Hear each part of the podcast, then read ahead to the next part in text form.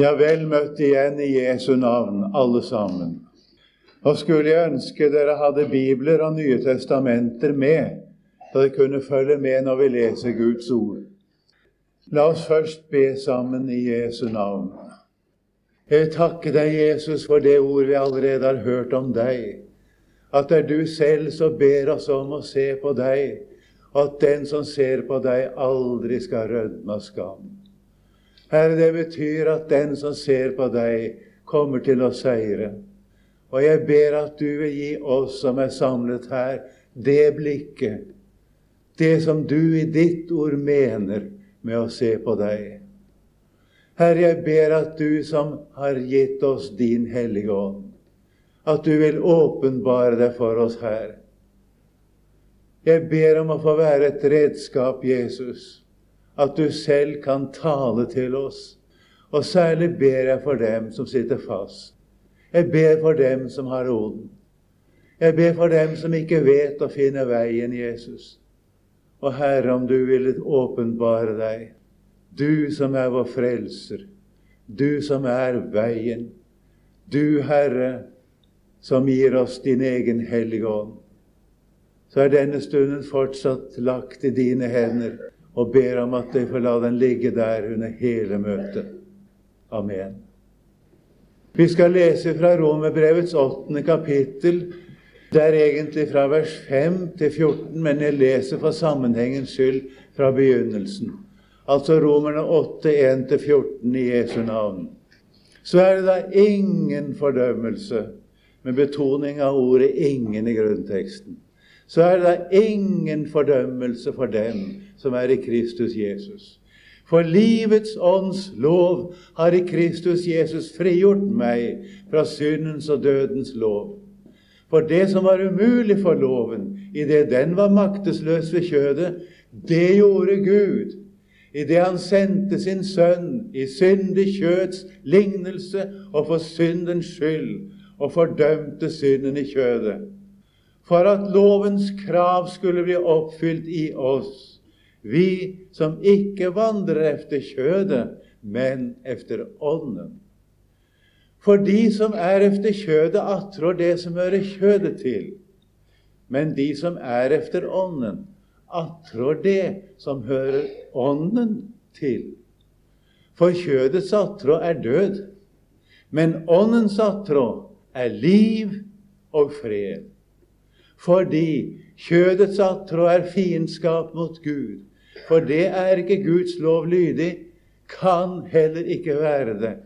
Og de som er i kjødet, kan ikke tekkes Gud. Men I er ikke i kjødet, men i ånden, så fremt Guds ånd bor i eder.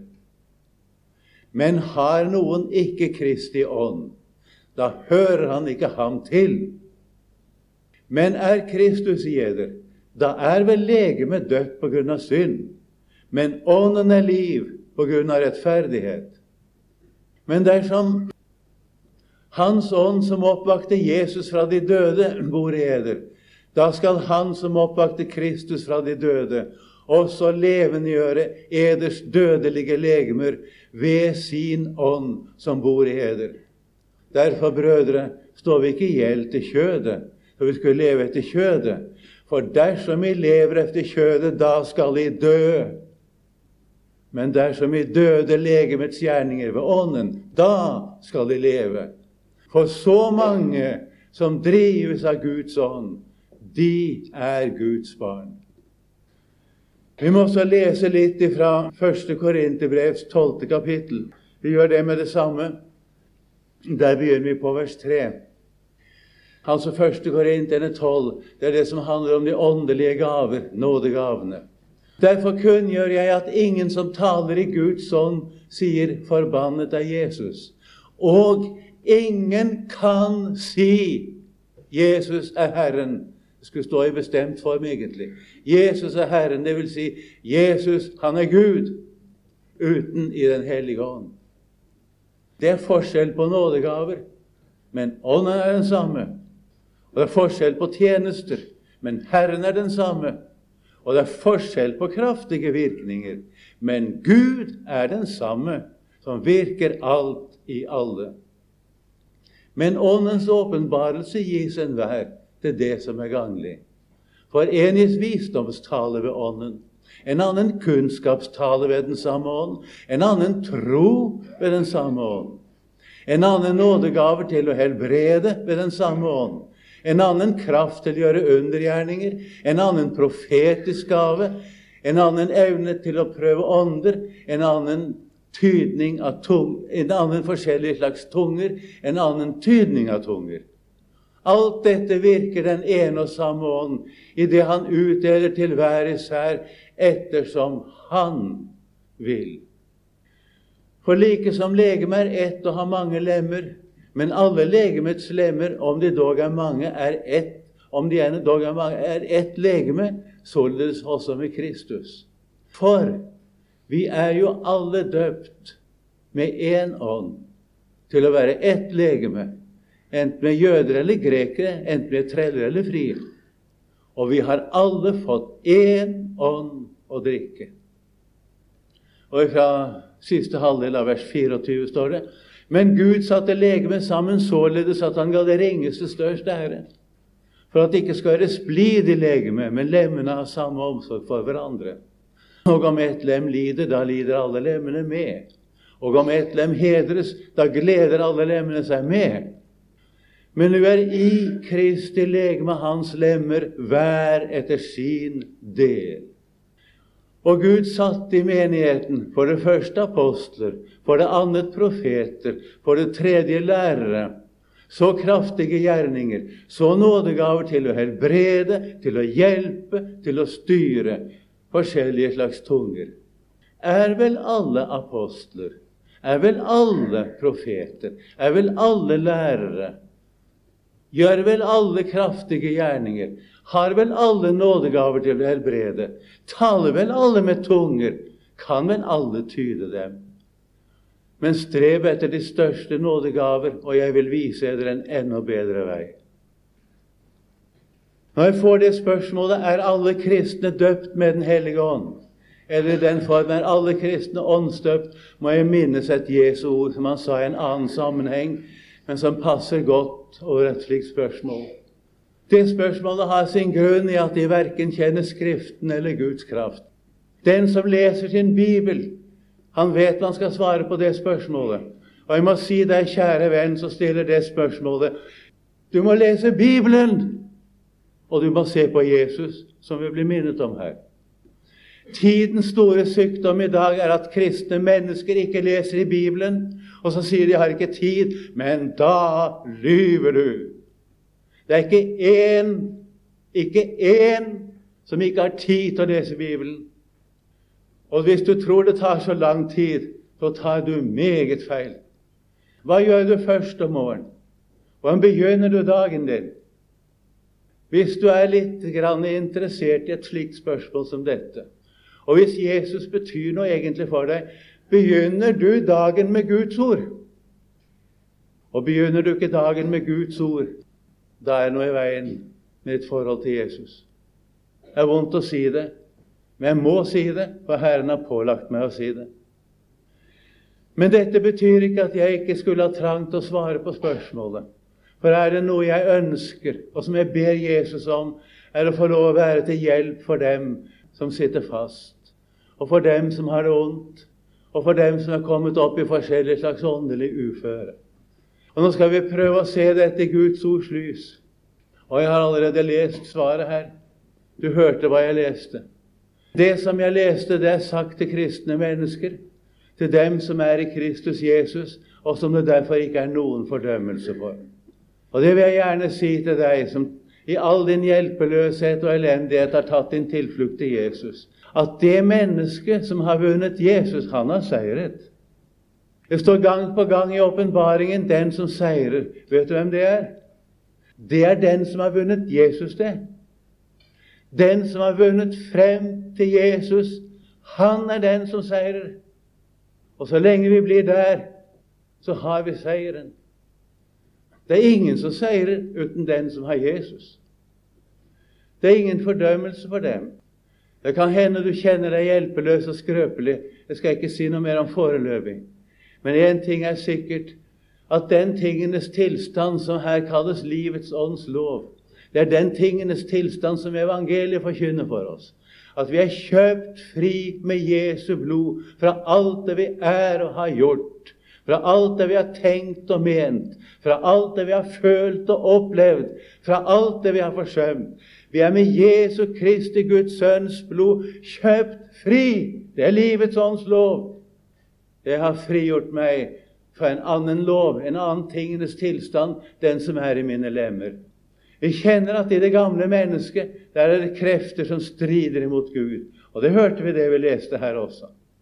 Men du skal vite at du som har Jesus, du er i Kristus Jesus, vel å merke i Kristus Jesus, frigjort her og nå fra syndens og dødens lov. Si meg, regner du med det? Ser du egentlig på det? Ja, vi ble minnet om, og det var sannelig noe godt å bli minnet om, og nødvendig. Ser du på Jesus? Hvis du ser på Jesus, da ser du at du er fri. Hva var det Jesus gjorde? Hvorfor var det Jesus kom? Jeg kan ikke bli trett av å gjenta det. Guds sønn kom ikke hit til jorden for å gjøre sitt, men han kom for å gjøre ditt og mitt. Og det har han gjort. Han har kjøpt oss fri. Og så er vi Jesus Kristus frigjort fra syndens og dødens lov så mange som virkelig av hjertet setter sin lit til ham. Og det kommer av at det som var umulig for loven, det gjorde Gud gjennom sin egen sønn. Den synd som sitter i vårt syndige kjød, den fikk sin dom felt i Jesu Kristi syndfrie kjød. Han kom i syndig kjøtts lignelse, står det. Det betyr han kom virkelig i kjød, akkurat som du og jeg, virkelig kjød, men ikke i syndig kjød. Og Jesu Kristi syndfrie kjød på Golgata kors, der ble den synden som sitter i vårt kjød, fordømt. Og den dommen gjelder til evig tid. Derfor er vi fri. Og Derfor blir det slik at vi som ikke vandrer efter dette gamle mennesket vi har i oss, men vandrer efter Ånden, vi får oppleve noe vidunderlig. Alt det som Guds hellige lov tar sikte på, det blir oppfylt i oss. Lovens krav, står det her. Kunne like godt oversette lovens endemål. Det som loven tar sikte på, det som er hele hensikten med Guds hellige lov, det blir oppfylt i oss. Det står ikke av oss, det står i oss. Og så betyr det samtidig gjennom oss.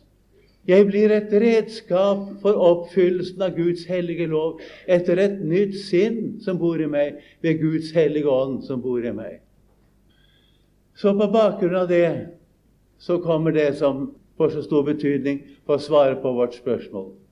De som er etter kjødet, de akter det som hører kjødet til. Og det er død, står det. Og det har sin grunn i det som står i vers 7, fordi kjødets attråd, det er fiendskap mot Gud. Det er ikke lite sagt om det gamle mennesket.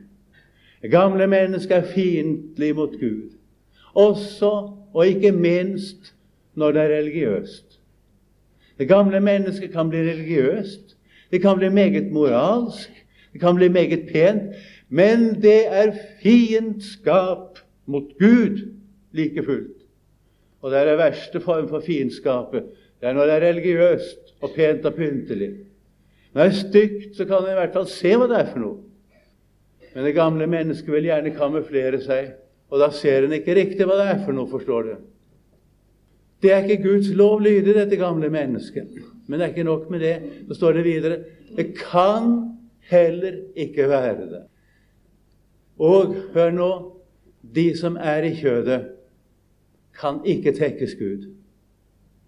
Jesus sa til Nikodemus det som er født av kjød, er kjød. Om det er pent eller stygt, altså. Om det er verdslig eller religiøst. Det er kjød. Du kan ikke tjene Jesus ut fra dine naturlige forutsetninger. Et alminnelig menneske kan ikke ved å begynne å innrette sitt liv etter Guds ord bli en kristen. Det er umulig. Man kan ikke, sånn som det lyder i dag, ved å motta utfordringer og ta på seg oppgave, bli en kristen ved å be Gud om kraft og hjelp til å ta imot utfordringen og til å fullføre oppgaven. Det er umulig. Det som er født av kjød, er kjød. Om du dresserer en ape til å oppføre seg som et menneske, og det er blitt gjort på sirkus Vi kler apen i snippkjole.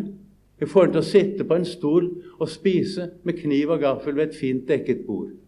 Apen oppfører seg som et menneske. Si meg, du, blir apen menneske ved å oppføre seg som et menneske? Og langt ifra. Blir et naturlig menneske en kristen ved å oppføre seg som en kristen? Og langt ifra. Det kan høres underlig, men han er faktisk lenger borte fra Gud når han oppfører seg som en kristen, eller når han viser seg som den han i virkeligheten er. Det spørsmålet som vi har i dag, er alle kristne åndsdøpt. Det er for en stor del fremkommet at mange har bekjent seg som kristne. Men de har aldri opplevd noen ting. De er ikke blitt nye mennesker. De har ikke virkelig møtt Jesus. Men så er Herren god imot dem. De går seg trett, de går seg fast. Og så hender det at Guds hellige ånd gjennom sitt ord han begynner å få overbevise disse menneskene om hvem de er egentlig, og hva de er. Og de kommer så inderlig og hjertelig til kort og blir stående fast. Og så hender en dag de får se Jesus og bli løst. Og så sier de ja, nå er jeg frelst. Nå har jeg fått Guds ånd. Og det er sant, det. Men det som ikke er sant, det er at de var ikke troende før den dagen. Jeg vil si til dere, kjære unge venner, om du bestemmer deg for å bli en kristen, det er greit nok. Men hvis du tror at du er en kristen fordi du har bestemt deg til det, så tar du meget feil. Man kan ikke bli en kristen å bestemme seg at ja, ja, nå vil jeg bli en kristen. Nå vil jeg slå lag med dem som blir kristne. Nå vil jeg begynne å lese Bibelen, og nå vil jeg stå på gaten og dele ut traktater og vinne sjeler for Herren. Det er litt av et fromhetsideal i dag, det. Man skal lese Bibelen, man skal dele ut traktater, man skal vinne sjeler for Kristus, sier man. Og så skal man ha popmusikk, naturligvis fremfor alt det og det kalles for gospel. Det er et engelsk ord for evangelium. Dette lever de. etter ferdes de. Og mange blir værende der. Og fra ende til annen er dette kjødet. Dette er ikke kristendom, kjære venner. Aldri vært det. Kommer aldri til å bli det. Jeg har så vondt av slike. Jeg takker Gud for at jeg har fått lov å hjelpe mange av dem nå. Etter hvert er det ikke få av disse som jeg har fått hjelpe til samfunnet med Jesus. Og Jeg fikk et underlig brev. Det er ikke så ofte jeg forteller om ting som hender meg. Men jeg har mange ting å fortelle hvis jeg ville. Jeg fikk et brev fra Slottsparken. Det vil si, han var ikke lenger der da. Jeg lå i Slottsparken. Jeg var narkoman. Jeg fant tilfeldigvis en bok. Den het 'Grunnsannheter til frelse', og jeg begynte å lese. Og for å si det kort jeg har lest meg frelst, og nå er jeg fri narkomanien, og jeg har reist hjem igjen. Og Jeg har funnet ut at det er du som har skrevet den boken, og nå skriver jeg og takker deg av hele mitt hjerte. Du har vært Herrens redskap til å frelse meg. Det er godt å få lov å oppleve slike ting, og jeg har opplevd mange slike ting. Men jeg må si som sant er vi kan ikke godkjenne det som er etter kjødet, for å være kristendom. Og Jeg sier ikke det er hele årsaken, men én av årsakene, og en, dag, en av hovedårsakene til at det spørsmålet kommer opp En må jo bli døpt med en hellig ånd. Det er ikke nok å tro på Jesus, en må bli døpt med en hellig ånd. Det er så mange som mener de har trodd på Jesus, mens de i virkeligheten aldri har vært kristne. De har ikke lært å se dette Guds ords lys. Og det som jeg forkynner her nå, det har de ikke sett. De vet ikke faktisk at Bibelen sier det som jeg taler nå. Derfor er det veldig om å gjøre at dette kan bli kjent. Og nå står det altså fast de som er i kjødet, kan ikke tekkes Gud. Det er Gud som sier det, ikke jeg. Og så kommer Men I er ikke kjødet, men i ånden. Så fremt Guds ånd bor i eder. Her hører du hvem det er som er i ånden. Det er de som har fått Guds ånd i sitt hjerte. det. Å bli døpt med Den hellige ånd i Skriftens språkbruk, det betyr å få Guds ånd i sitt hjerte. At Guds ånd tar bolig i et menneske og blir værende i et menneske. Så han har Guds ånd. Det er å bli døpt med en hellig ånd. Det er et typisk bibelsk uttrykk. Det er brukt både i Det gamle og i Det nye testamentet. Og I Nytestamentets språkbruk er det fullstendig ensbetydende med gjenfødelsen. Har noen ikke Kristi ånd, da hører han ikke ham til. Dette er Guds ord. Men nå, kjære venner, må du ikke misforstå dette ordet. Det å ha Guds ånd står ikke som en betingelse for å bli en kristen. Men det står som en virkning, ikke sant? Er Guds ånd i eder, så fremt Guds ånd er i dere. Det står som et kjennetegn. Det står ikke som en betingelse. Hva er betingelsen for å bli en kristen? Hva er betingelsen for å bli Guds barn? Det er uforskyldt. Det betyr egentlig etter grunntekstord uten å ha fortjent det. Av Hans nåde ved forløsningen i Kristus Jesus. Som Gud stilte til skue i Hans blod som en nådestol ved troen. Det er Romerbrevets tredje kapittel, vers 24. Vi blir rettferdiggjort Dvs. Si blir frikjent av våre synder. Å bli rettferdiggjort er meget mer enn å bli benådet i en menneskelig betydning. Å bli benådet, så det kan man gjøre med en mann når man fritar ham for videre straff. Men det er ikke noen menneskelig instans som kan fremstille et menneske frikjent fra en synd som han har gjort. Har vi gjort en synd, så er det ikke et menneske som kan frikjenne oss, rettferdiggjøre oss fra den. Men det gjør Gud.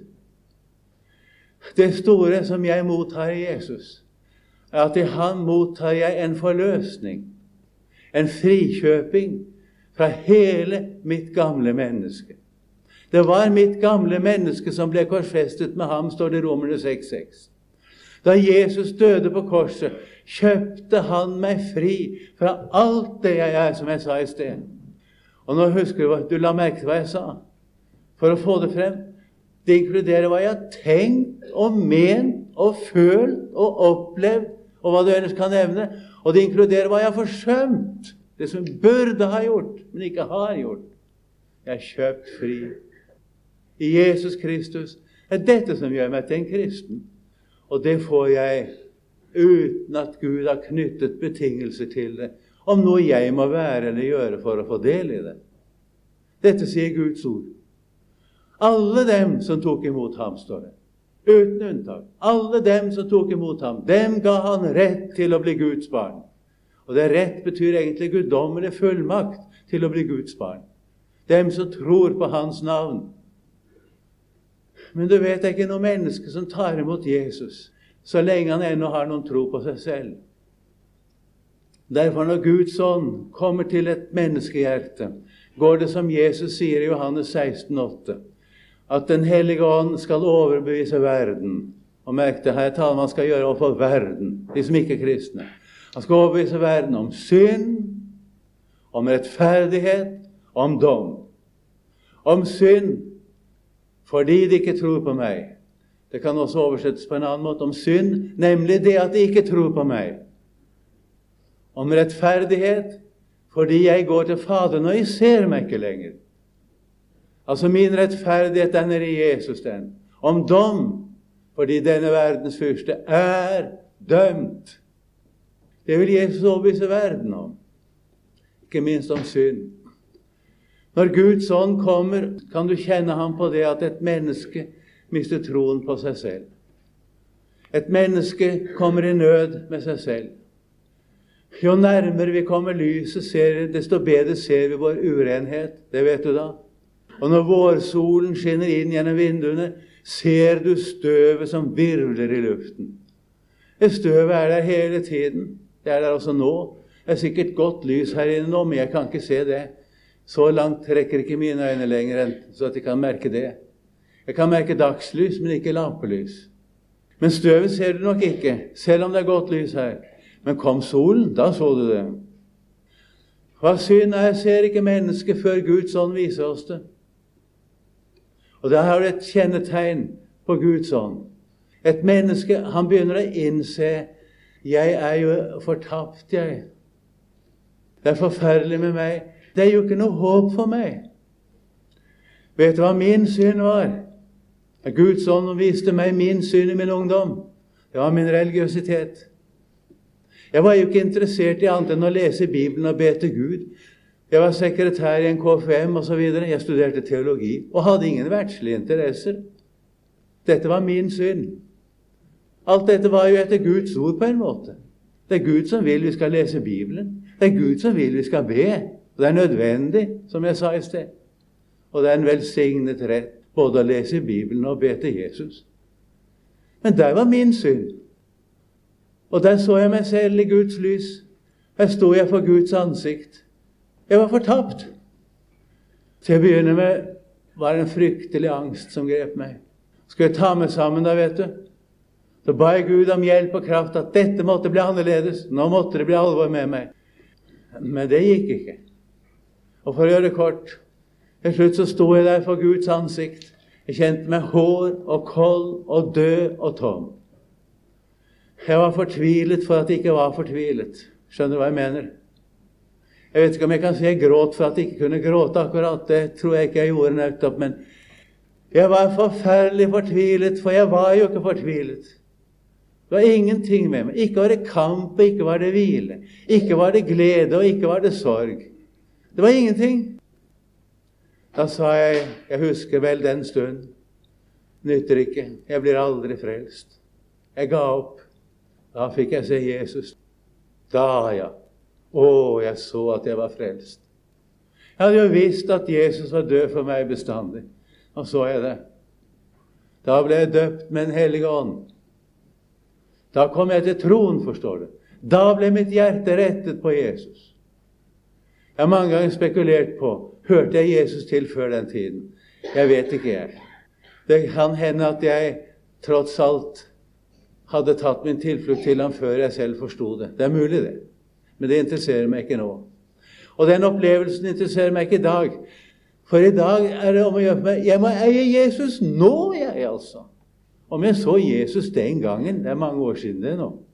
Ja, det er svært mange år siden. Dette hendte jo i 1929. Det er altså 46 år siden. Det kan jo ikke hjelpe meg i dag. Men jeg får lov å se Jesus i dag. Jeg får lov å rette mitt blikk på ham i dag. Det er dette du trenger. Du trenger ikke å spørre om en eller annen merkelig opplevelse. Å bli døpt med en hellig ånd, det er at Jesus Kristus ved Guds hellige ånd gjennom ordet om Jesus i evangeliet blir åpenbart for hjertet, og vi ser ham. Og nå, kjære venner, dere som er litt oppe i årene Nå preker jeg akkurat som Sven Follø. Gjør jeg ikke det? Jeg sa det til en av våre venner her for en tid siden, at jo eldre jeg blir, desto mer lik blir jeg visst Sven. Jeg tror ikke jeg er så grov i munnen som han var, men det er en annen sak. Men jeg er grov i munnen på min måte. Jeg tror at vi skal være litt sånn Vi skal ikke være for forsiktige, vi som forkynner Guds ord. Profetene brukte et kraftig språk, og det gjorde apostlene også. De er våre forbilder. Men dette, forstår du, det er dette som er kjennetegnet på at de hører Jesus til. Men det er ikke betingelsen. Jeg får det for intet. Hvis du nå spør hva skal jeg gjøre, da? svarer jeg ingenting skal du gjøre. Skal høre, skal høre at Jesus har tatt bort dine synder. Jesus har frelst deg og gjort deg fri fra din synd for snart 2000 år siden. Skal du høre? Skal høre dette. Det er store ting når en som en snakker med, begynner å si ja, men er det slik, sier de. Er det slik? Ja, men da er jo jeg frelst, da. Ja, Jesus kjøpte deg fri fra alt, og det er ditt. Det skal du sette din lit til. Og fra første øyeblikk Det sier jeg fra første øyeblikk et menneske tar sin tilflukt til Jesus fordi han innser han alene er min redning. Jesu Kristi død er min redning, min frelse. Og Jesu Kristi rettferdighet og stedfortredende oppfyllelse av loven, den alene er min rettferdighet for Gud. Jeg sier igjen, fra første øyeblikk du setter din lit til det, er du et frelst menneske. Og har du fått Guds ånd. Til å begynne med er det ikke sikkert du ser så meget. Men det kan sies som det står her I er ikke kjødet, men i ånden, så fremt Kristi ånd bor i heder. Og det passer på deg fra første øyeblikk du har tatt din tilflukt til Jesus. Du er døpt med en hellig ånd. Har noen ikke Kristi ånd, da hører han ikke ham til. Det kjennetegnet, kjennetegn, altså. Derfor står vi altså ikke i gjeld til kjødet. Det gamle mennesket har ingen rettigheter. Det gamle mennesket har ingen krav på oss. Og husk på det, alle. Det gamle mennesket kommer ikke inn i himmelen, heldigvis, da. Derfor er det står i Hebrebrevet at uten helliggjørelse kan ingen se Gud. Det er en annen måte å si det på, og betydningen av det er dette. Bare den som har et sinn som er født av Gud, kan jo passe der inn i himmelen. For det gamle mennesket kommer ikke inn der, og Gud være lov og takk for det. Når vi går ut av denne verden, er vi definitivt og for alltid ferdige med det gamle mennesket. Da blir vi ham lik når vi får se ham som han er i det fullkomne Guds rike. Det er en som i det fullkomne Guds rike kommer til å bære merker av vår synd. Og det er han som er syndfri. Han som ikke visste av synd aldri har gjort en synd, er den eneste som i evigheten bærer merke på vår synd. Det er naglemerkene, forstår du? Det er merket i hans side, som er på hans herlighets legeme efter oppstandelsen. Men det er seiersmerker, det. Det er vitnesbyrd i all evighet om at synden, den ble tatt bort av en stedfortreder. Vi er fri. Ingen andre kommer noensinne til å bære merke av sin synd mer. Så er det noen som sier ja, men det står det i Apostlenes gjerninger, kapittel 19. Et spørsmål du fikk i Den hellige ånd da jeg kom til troen. Ja, det står det. Men da må du lese alt det som står der. Så vil du se at den tro de var kommet til, det var ikke en frelsende tro. De hadde tatt ved at Jesus var Messias. De hadde anerkjent Jesus som Messias. Men de hadde ikke tatt imot noe av det jeg snakker om nå, ennå, for de kjente ikke engang til det. De måtte først få evangeliet forklart for seg. Og så ble de døpt med en hellig ånd da de ble døpt til Jesus Kristus. Det står om apostlene at de skulle døpes med Den hellige ånd. Og så mener mange at pinsedag er et tegn på det. Før pinsedag hadde apostlene Guds ånd. Så lenge Jesus var sammen med dem, så var jo Guds ånd knyttet til deres samvær med Jesus. Og så står det etter oppstandelsen at Jesus åndet på dem og sa, 'Ta imot Den hellige ånd'. Og Jesus opplot også deres forstand, så de kunne forstå Skriften, og sa, 'Jeg er mine vitner'. Men de kunne ikke forkynne Guds ord ennå. De måtte vente i Jerusalem på noe som skulle hende, og det hendte på pinsedag. Pinsen var innhøstningens fest. Teksten på pinsedag var fra profeten Joel.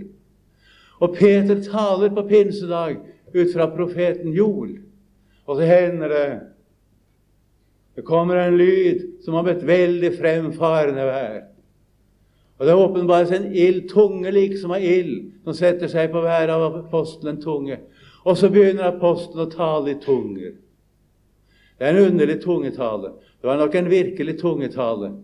Men den tungetalen var av den art at alle de som hørte på, hørte apostlene tale i sitt eget tungemål, uansett hvor de var fra. Det betyr ikke at apostlene talte mange forskjellige språk, for det gjorde de ikke. De talte i tunger. Dessuten ville disse tolv ikke være nok til alle de språkene som var nevnt der. Men underet er det at når de taler i tunger, hører alle det som blir sagt i tunger, som talt i det språk de selv talte. Det symboliserer det som skjer. Nå kommer Den hellige ånd til verden, og han er ikke vendt tilbake igjen. Før den tid kunne ikke evangeliet forkynnes med kraft i verden. Dette måtte skje først. For at du skal få litt lys over det, så husk på hva Jesus kaller Den hellige ånd. Han sier den annen talsmann. Det er altså en førstetalsmann. Det er Jesus selv. Du ser det i Johannes første brev i begynnelsen av kapittel 2. Jesus Kristus, den rettferdige. Han er vår talsmann hos Faderen. Han er en første talsmann. Den hellige ånd er en annen talsmann. Talsmann betyr etter grunnteksten en som er tilkalt, egentlig. En som er tilkalt, vel å merke, for å komme til hjelp, frelse, redning og unnsetning. Den som tilkaller, det er Faderen. Av de tre personer i Gud er det to som er talsmann. Faderen har for det første tilkalt sin egen sønn. Det har skjedd før han skapte himmel og jord av noe menneske det. Han er tilkalt for å gå i vårt sted, for å bære vår synd, for å oppfylle loven i vårt sted, for å frelse og fri oss med sitt blod, og for selv å være vår rettferdighet for Gud, som vi har talt om. Og var talsmann nummer én. Den annen talsmann, han er tilkalt for å være vårt hjerte. Han skal være i oss og hos oss, sier Jesus. Verden kan ikke få ham, men de som tar imot Jesu ord, de som vurderer Jesu ord slik at de holder fast ved Jesu ord som det mest verdifulle for seg, de skal få ham, for de kjenner ham. Han blir hos eder og skal være i eder, sier Jesus. Du forstår at vi kan ikke av oss selv omvende oss til Gud. Det er Den hellige ånds gjerning, det. Vi kan ikke av oss selv se vår synd. Vi kan ikke av oss selv være i stand til å se Jesus. Vi kan ikke av oss selv komme til troen på Jesus. Vi kan ikke av oss selv leve som kristne eller noen ting. Derfor har vi fått en talsmann nummer to. Og Jesus sier at hans gjerning det er å formidle den første talsmanns gjerning til menneskene. Han skal ta av mitt og gjøre det kjent for dere. Han skal herliggjøre meg, sier Jesus. I gammeltestamentlig tid var Guds sønn ennå ikke kommet til kjødet. Gud har fra begynnelsen av regnet med det offer som skulle fullbyrdes når tiden kom, når timen kom, som det heter, på korset ved Jesus. Han har regnet med det fra begynnelsen av. De troende gamle, i den gamle pakt ble frelst tro på Guds løfter om Han som skulle komme. Men deres gudsforhold var knyttet til de ordninger og institusjoner som Gud hadde opprettet i Israel. Det var lover om hellige personer, hellige steder, hellige handlinger, ofringene blant andre, og hellige tider. Dette er seremoniloven. Det er en lov som kom med bud og forskrifter. Og den hadde sin tid inntil Jesus kom. den. Da Jesus kom i kjød, Guds sønn ble åpenbart i kjød, falt dette bort. For dette er en anskuelsesundervisning. Alle som skulle ha Guds ånd i gammeltestamentlig tid, møtte inn under de ordningene som gjaldt for Israel. Ikke sant? Det skjønner du. Også hedninger kunne få Guds ånd, men de måtte inn under de ordninger som var i Israel. Og du hører jo hvordan det ber 'Ta ikke Din hellige ånd fra meg'. Og vi hører meget om Den hellige ånd i gammeltestamentlig tid. Og det er fullstendig feil å si at de troende i gammeltestamentlig tid ikke hadde Guds ånd. Det hadde de. Det var et lite fåtall av troende den gang som det har vært siden. Det var ikke majoriteten av Israel som var troende. Men det var noen, de stille i landet, som de kaltes, de som ventet på Israels trøst. Da Jesus kom, var Den hellige ånd knyttet til hans nærvær, som jeg sa i sted. Men det skulle komme en dag, det sier profeten Joel, da Guds ånd skal utgytes over alt kjød.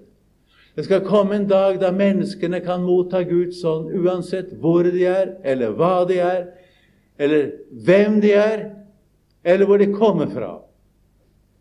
Det skjedde på pinsedag. Da kom Guds ånd til jorden. Og Gud være takk, han er ikke vendt tilbake igjen. Han er her. Fra da av kan evangeliet forkynnes for hvem som helst, hvor som helst, når som helst. Det som skjer på pinsedag, det hører altså med til frelseskjensgjerningene, på samme måte som Jesu fødsel, Jesu død på korset, Jesu oppstandelse og Jesu himmelfart. Du kan ikke ta det som uttrykk for en åndsdåp i den forstand, og uttrykk for noe som en personlig skal oppleve. Det er en fullstendig misforståelse av alt som sies der. Det som er betydningen av pinsedag, er at jeg kan stå her og preke Guds ord til deg, og Guds ånd er med her nå.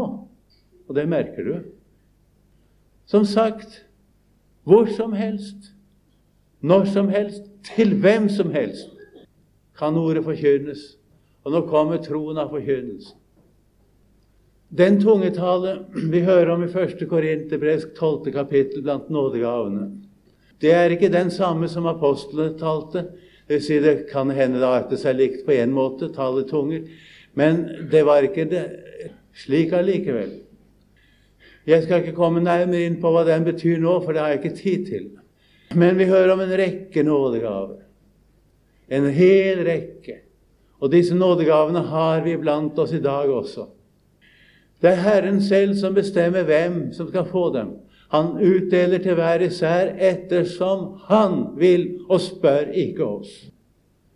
Har vi fått en nådegave, blir vi bedt om å ta vare på den og bruke den ettersom vi har tro til, som det står i Romerbrevets tolvte kapittel. Det har vi bedt om. Men han utdeler ettersom han vil. Nå blir det sagt at det er ikke alle som er apostler. Det er ikke alle som er profeter. Det er ikke alle som er lærere. Det er ikke alle som har kraft til å gjøre undergjerninger. Det er ikke alle som har nådegaver til å helbrede osv. Det er ikke alle som taler i tunger, står det også. Det er ikke alle som har nådegaver til å tyde dem. Men det står om alle disse, uansett de nådegaver de har eller de ikke har. Vi er alle døpt med én ånd, står det. Det gjelder alle troende. Alle er døpt med én ånd. Det er Guds ord. Aldeles uansett hvilken nådegave man har eller ikke har. Så sant den tror på Jesus. Og det kommer av det som han kunngjør. Jeg kunngjør at ingen som taler i Guds ånd, sier 'forbannet er Jesus'. Og merk det ingen kan si. Du forstår? Kan ikke komme med det som sitt hjertes bekjennelse at Jesus, han er Gud, uten i Den hellige ånd. Det er ingen som ser hvem Jesus er. Det er ingen som ser at Jesus han er Gud uten i Den hellige ånd. Den som vet med seg selv Jesus, han er min Gud. Han kan si med Thomas, 'Min Herre og min Gud'. Det sa Thomas da han fikk se naglemerkene og stikke fingeren og hånden i dem. Det er det vi sier når vi får se frelsen, du. Min Herre og min Gud. Det er Jesus Kristus. Mennesket Jesus, han er Gud. Han er min Gud. Han er min Herre. Dette kan ingen si uten Den hellige ånd. Men den som har hjerte, kan si det. Han er et levende bevis på han er døpt med Den hellige ånd. Og om alle som kan vitne slik om Jesus, sier Guds ord, vi er alle døpt med én ånd til å være ett legeme, uansett hvilken nådegave vi har. Det er mange lemmer på et legeme, men alle, legets, alle legemets lemmer, om det en er mange, er det dog ett legeme, står det. Således også med Kristus. Vi har forskjellige tjenester. Vi er svært ulike som kristne. Gud skal lov og takk for det. Det er Guds mening vi skal være det. Vi skal ikke ligne hverandre. Vi skal ikke si tingene på samme måte. Og vi får en eller annen nådegave alle sammen. Vi skal strebe etter den største nådegave og noe enda bedre kjærligheten. Jeg vil talte om i formiddag åndens frukt. Kjærligheten, vet du. Med alt som følger med den. Den som ikke blir bitter. Den som ikke gjemmer på det onde. Den som tåler alt, tror alt, håper alt. Den som aldri faller bort. Nei, den faller aldri bort.